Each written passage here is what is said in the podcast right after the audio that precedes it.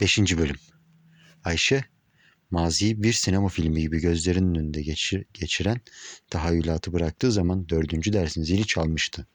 Baş mavin yanı başında peyda olarak zoraki bir gülümseyişle sizi sınıflara takdim edeyim dedi. Sonra Ayşe'ye bir şeyler çıtlatmak lüzumu duyarak şimdi fen şubesinde dersiniz var. Bu sınıftan çok memnun kalacaksınız. Çok iyi kızlardır. Derslerinden başka bir şeyle meşgul olmazlar diye ilave etti. Ayşe Pusat bu sözlerle kendisine kralcılık propagandası yapmamasının ihtar olunduğunu anlıyordu. Gerçi onun bu gibi işlerle hiçbir ilişiği yoktu ama kocasına yapılan isnatların izi kafalarından hala silinmemiş, kocası bile başka sebeplerle hapis yattığı halde herkes körü körüne onun aleyhindeki propagandaya inanmıştı. Ayşe baş mavinin imasını anlamazlıktan geldi. Birlikte son sınıfın fen şubesine doğru yürüdüler. On kız birden ayağa kalktı. Hepsi şirin ve ciddi kızlardı. Fakat gözlerinin içi gülüyordu. Baş somurtkan bir tavırla Ayşe'yi tanıttı. Yeni edebiyat öğretmeniniz. Çok çalışınız ve kendisinden istifade ediniz. Bu tanıtma ne kadar soğuk ve kabaydı. Kendi öğretmeninin adı dahi söylenmemişti. Kızlar sessizlik içinde baş mavinin gitmesini beklediler ve o gidinceye kadar ayakta durdular. O zaman Ayşe oturmalarını işaret etti ve deminden beri gözlerini, gözleriyle gülen kızlar bu sefer dudaklarıyla da hafifçe nazik, nazikane gülümsediler. Ayşe sınıfa bir göz gezdirdi. 10 kişinin 9'u 3 yıl önceki talebeydi. Önde yan yana oturan Aydolu ile Nurkan yalnız güzellikleriyle değil çalışkanlıklarıyla da en ileride bulunan kızlardı. Diğerlerine de birer birer bakıp isimlerini hatırladıktan sonra arkada bir tek sırada tek başına oturmuş olan Güntül'ü de bakışları durdurdu. Ve onun gür ve açık kumral saçlarla çerçevelenmiş ince, ince ve manalı yüzünü takdirle seyretti. Bu kızın kendisine karşı bir dost kalbi taşıdığı muhakkaktı. Neden? Niçin? Nasıl? Bunları bilmiyor ve bilmeye de lüzum görmüyordu. Ayşe'nin dost kalplere ihtiyacı vardı. Bu kendisi için fenalık istemeyen insanlara hasretti. Böyle bir kalp taşıyan insan bir talebe bile olsa makbuldü. Yeter ki menfaatsiz olarak dostluk duyguları beslesin. Güntülü utangaç gülümsemelerle kendisine bakıyor ve yüzü pembeleşiyordu. Sabahleyin menekşeye benzeyen, benzeyen gözleri şimdi Ela'ydı. Ayşe bu ilk derste onların durumunu anlamak için yerlerinden kaldırmadan edebiyata dair sorular soruyor, hem onların bilgi derecesini öğreniyor hem de çoktandır hasret kaldığı lisenin bir sınıfında öğret- öğretmenlik etmenin zevkini tadıyordu. Aldığı cevaplar en müşkil pent, hocayı bile memnun edecek mahiyetteydi. Bu kızlar fen talebesi oldukları halde edebiyatı iyi biliyorlar, arzudan anlıyorlar, şiirin zevkini duyuyorlar ve edebiyat hakkında esaslı fikir ve kanaate sahip bulunuyorlardı. Hele Nurkan ve sınıf mümessili bulunan Aydolu fevkaladeydiler. Şimdi sıra sonuncuya, Güntülü'ye gelmişti. Ela gözlü, mahcup tebessümlü kız kendisine hitap olunca ayağa kalktı ve Ayşe'nin bütün diğerleri gibi onun da oturarak cevap vermesini arzu ettiği halde sırf utanıp kızarmasın diye bir şey söylemedi. Edebiyat hakkında duyguların nasıldır Güntülü? Bu sual edebiyat öğretmeninin mutaaddı olan sorulardan değildi. Bu kızı orijinal bulduğu için böyle bir şey sormuştu. Aldığı cevap pek hoşuna gitti. Ders olarak da sanat olarak da çok severim efendim. S'leri hafif peltek olarak söylüyor ve bu hafif pelteklik onun konuşmasına güzellik veriyordu. Sesi de çok esrarlı ve ruhu eşleyiciydi. Ayşe edebiyatçı olmanın verdiği kabiliyetle güzellikleri seçip çıkartmakta ustaydı. Gülümseyerek tekrar sordu. Niçin seversin Güntül'ü? Güntül'ü hocasına hayretle bakarak birkaç defa gözlerini kırptı ve aynı esrarlı sesle cevap verdi. Sevginin niçin olmaz ki efendim? Düşünsem belki makul bir sebep bulabilirim. Fakat bu hakiki sebep olmaz.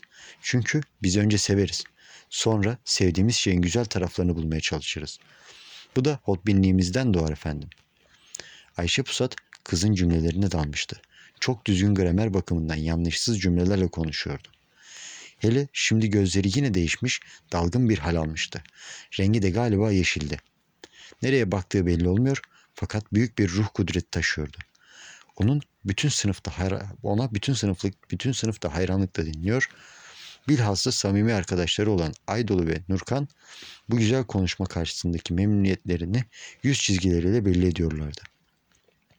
Ayşe böyle bir talebesi olduğu için sevinç duydu.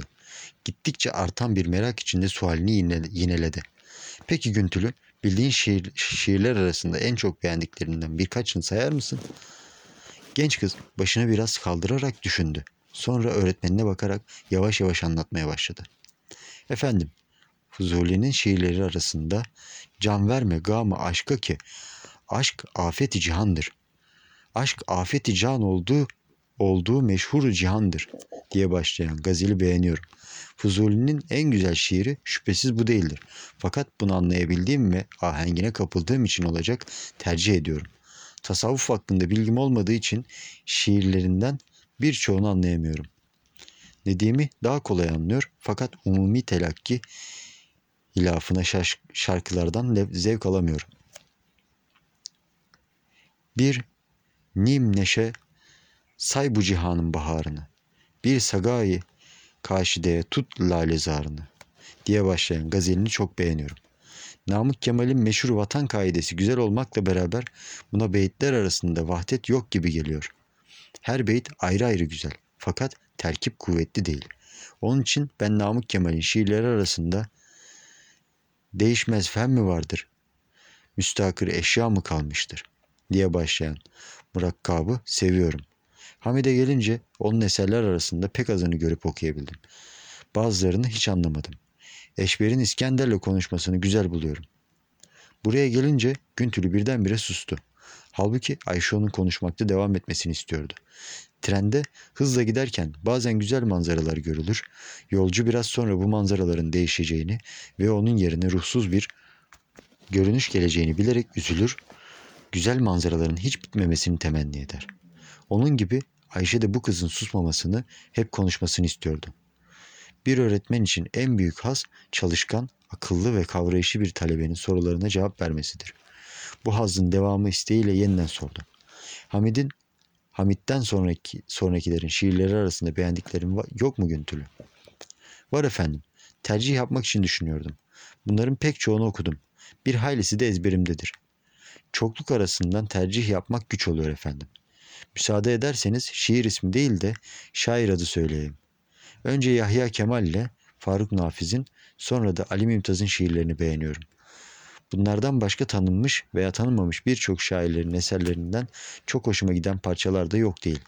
Bazen alelade şairlerden birinin tek şiiri, bazen bir şiirin herhangi bir dörtlüğü veya beyti, bazen de tek mısra bende kuvvetli bir intiba bırakıyor. Tesir yapıyor. Ezberimde sahiplerinin adını bilmediğim epey mısra var. Mesela şairin kim olduğunu bilmeyip olduğunu unuttuğum, nerede okuduğunu hatırlamadığım bir mısra var ki çok hoşuma gider. Bizi arza bağlayan yaratmak ihtiyacı. Belki bu mısrada şiir sanatı bakımından bir üstünlük yoktur. Fakat yaşamayı güzel bir sebepten, sebebe bağladığı için benim çok hoşuma gidiyor efendim. Güntülü yine sustu. Ayşe takdirle gülümsüyordu. Bu mısra Osman Faruk Verim'indir. Bizi arıza bağlayan adındaki küçük bir şiir mecmuasının ilk manzumesidir, dedi ve bugünlere göre daha kuvvetli ve talebelerin yetiştiği kendi zamanında bile bu kadar seçkin bir kızın bulunmadığını düşünerek onu daha çok sevdi. Bütün sınıf dikkatle Ayşe'ye bakıyordu. Onda üç yıllık ızdırabın bıraktığı izleri araştırıyordu. Genç hocalarının omuzlarına dökülen saçlarındaki ak teller göze çarpacak kadar çoğalmıştı. Kara saçlar üzerinde daha kolay belli olan bu beyazlar üç yıllık çilenin hatıralarıydı. Ayşe onların gönüllerinden geçen şeyleri hemen hemen anlıyordu. O dakikada kalbi onlar için o kadar büyük bir şefkatle doluydu ki bir yandan sorular, sorularla meşgulken bir yandan da Ya Rabbi bu kızlardan hiçbirinin mukadderatı benimkine benzemesin diye dua ediyordu. Güntülü sırasının yanında ayakta durarak beklerken elini yüzünde gezdirerek zarif bir hareketle saçlarını düzeltti. Ve yine o mahcup gülümseyişli öğretmenine baktı. Ayşe suallerini kesmiyordu. Ya en çok beğendiğin roman hangisi Güntülü? Roman hususunda galiba biraz müşkil pesentlik ediyorum efendim. Manzumeler kısa olduğu için tesiri ani ve kuvvetli oluyor. Roman uzun olduğundan herhangi bir yerinde aksaklık kuvvetli tarafların tesirini gideriyor ve ben hissi hareket ettiğim için onun güzel ve kuvvetli kısımlarını da inkar ediyorum. Bu yüzden en çok beğendiğim roman bir kadın romancının o kadar tanınmamış bir eseri oldu efendim. Güntülü biraz durdu ve Ayşe'nin üzüntüyle içinin burkulduğunu hissetti. Güntülü'nün çocukça bir tercih yaparak bayağı romancılardan bir kızın bayağı bir eserini söylemesinden korkuyordu. Bu kızı ilk görüşte o kadar beğenmişti ki onun bilmeyerek kötü bir romanı sevmesini bile istemiyordu. Bu suali sorduğuna pişman olmuştu. Alacağı cevaptan çekinerek o romanı söyler misin Güntülü? dedi. Safiye Erol'un ciğer deleni efendim. Bilmem ki bana hak verecek misiniz? Ayşe geniş bir nefes aldı ve gülerek sana tamamıyla hak veriyorum Güntülü. Ben de senin fikrine iştirak ediyorum diye cevap verdi. Genç kız güzel bir gülümsemeyle sevincini gösterdi. Ve yine Menekşe'ye benzemeye başlayan gözlerini Ayşe Pusat'ı çevirerek yeni sualleri bekledi. Ayşe memnundu. Bu kız yetiştirilirse Edebiyat Fakültesi kürsülerinden birini büyük bir ehliyetle doldurabilirdi diye düşündü ve bu düşüncenin şevkiyle birdenbire liseyi bitirince nereye gitmeyi düşünüyorsun Güntülü diye sordu. O yüzü hafifçe pembeleşerek cevap verdi. Çocuk doktor olmak istiyorum efendim. Herhalde bu mesleği niçin seçtiğini izah edebilirsin Güntülü. Genç kız gülümsedi. Şüphesiz efendim. Çocukları çok severim de onlara faydalı olabilmek için uzun tıp tahsilini göze alabiliyorum. Ayşe de bütün öğretmenler gibi kabiliyetli talebelerinin kendi mesleğine girmesini isterdi. Güntülü'ye söyleyecek pek çok sözü, verecek hayli öğütleri vardı. Ama daha ilk dersi samimiyeti ileri götürmek istemiyordu. Müdürün bu sabahki davranışını düşünerek neşesini kaybedenler gibi kaybeder gibi oldu. Fakat duygularıyla mücadeleyi öğrenmişti. Gönlünde dolmak üzere olan kederi yenerek sordu. Tabiat üstü masal unsurlarıyla dolu olan milli destanların hakikatle bir ilgisi var mıdır? Herhalde vardır efendim. Günümüzde bile destanlar teşekkür ediyor. Fakat vakalar, şahıslar, şahısların karakterleri o kadar değiştiriliyor ki hakikati anlamak güçleşiyor efendim. Burada bütün sınıf Ayşe Pusat'ın yüzünde yüzünden bir keder dalgasının hızla geçip kaybolduğunun farkına vardı. Güntül devam etti. Mesela bizim Oğuz Han destanındaki mübalağalar ve fevkaladelikler arasında çıkarabileceğimiz netice destanın Oğuz Han adını verdiği bir şahsiyetin büyük fütühat yapmış, yapmış olmasıdır. Hatta belki de Oğuz Han hakikatte tek bir şahıs değildir. Belki de birbiri ardına, ardınca gelen birkaç hükümdardır. Hatta belki belki de bu hükümdarlardan hiçbirinin adı Oğuz değildir. De bu adı destanla dini bir sebeple veya içtimai bir zaruriyetle daha sonraki asırların destancıları sokmuştur. Bir de destanlar milletlerin ülküsünün tohumlarını taşırlar efendim. Bu bakımdan geçmişin, geçmişi anlattıkları kadar geleceği de tasavvur tahmin ederler. Tabi istikbal hakkındaki tasavvur ve tahminler vuzuhsuz ve gayri şuuri bir haldedir. Çok güzel anlattın Güntülü. Şimdi biraz da vezinler hakkındaki düşünce ve kanaatlerini anlat. Bugünlük aruz daha çok hoşuma gidiyor efendim. Ama bunun niçin ne cevap verebilirim? Daha büyük üstadlar elinde işlenip olgunlaşmıştır. Zannedersem ileride hece ahenk bakımından arzu geçecek fakat heceyi tekamül ettirecek büyük şairler aruzun ahenginden, musikisinden çok istifade edeceklerdir. Belki de hece ile aruzun birleşip kaynaşmasından yeni bir vezin doğacak ve bu ve bu yeni vezin aruzun ritmini hecenin mana kuvveti için elzem olan olan serbestliğin kendisinde toplayacaktır. Bugün serbest vezin denilen şeyi beğenmiyor ve bu türlü yazılar yazılara serbest vezin değil, vezinsiz demenin daha çok yakışacağını zannediyorum. Fikrimce serbest vezin yine vezinli olmak şartıyla mısraların bir, birbirlerine tabi olmayacak serbest bulunmasıdır. Onun için divan şairlerinin müstehzaları serbest vezinin ilk örnekleri sayılabilecek gibi yenilerden Orhan Seyfi'nin Fırtına ve Kar adlı güzel manzumesi, manzumesiyle Enis Behiç'in Gemiciler, Süvariler gibi şiirlerini serbest vezinin yeni ve güzel örnekleridir. Mesela Süvariler şiirinde Ey vatan, ey güzel Turan, sana feda biz varız. Düşmanoğlu meydana çık, kahramanlık kimdeyse anlarız. Mısralarında hecelerin yavaş yavaş çoğalması keyfi değil, ritmik bir kanuna göredir. Fakat bu kanun ifade edilmekten ziyade hissedilir, mahiyettedir. Serbest vezinin denilen yeni yazılarda ise bu ritim olmadığı için bunlara manzume olmak vasfını taşımıyor. Ayşe hazla dinlerken bu kadar sağlam bir edebi zevke malik olan bu kız tıp mesleğine gireceği için cidden esef duyuyordu. Peki Güntülü, sana bir de kendin hakkında sual sormak istiyorum. Gerçi fen talebesisin ama bu nihayet son yılların sana verdiği bir kararın neticesidir. Ondan daha önce birçok öğrenciler gibi sen de şiir yazmak arzusuna kapıldın mı? Manzume yazdın mı? Hayır efendim. Edebiyatı daima sevmeme rağmen manzume yazmayı denemedim ve düşünmedim. Ayşe kol saatine baktı. Ders bitmek üzereydi. Son olarak sana aruza yazılmış bazı mısralar soracağım. Sen de bana onların vezinlerini bulacaksın Güntülü. Peki efendim. Ayşe bu kadar çok ısındığı bir bu kızın hiçbir soruya cevap hiçbir soruyu cevapsız bırakmaması için ilk önce basit ve kolay vezinlerle işe girişmek istiyordu. Hafızasını yoklayarak sormaya başladı.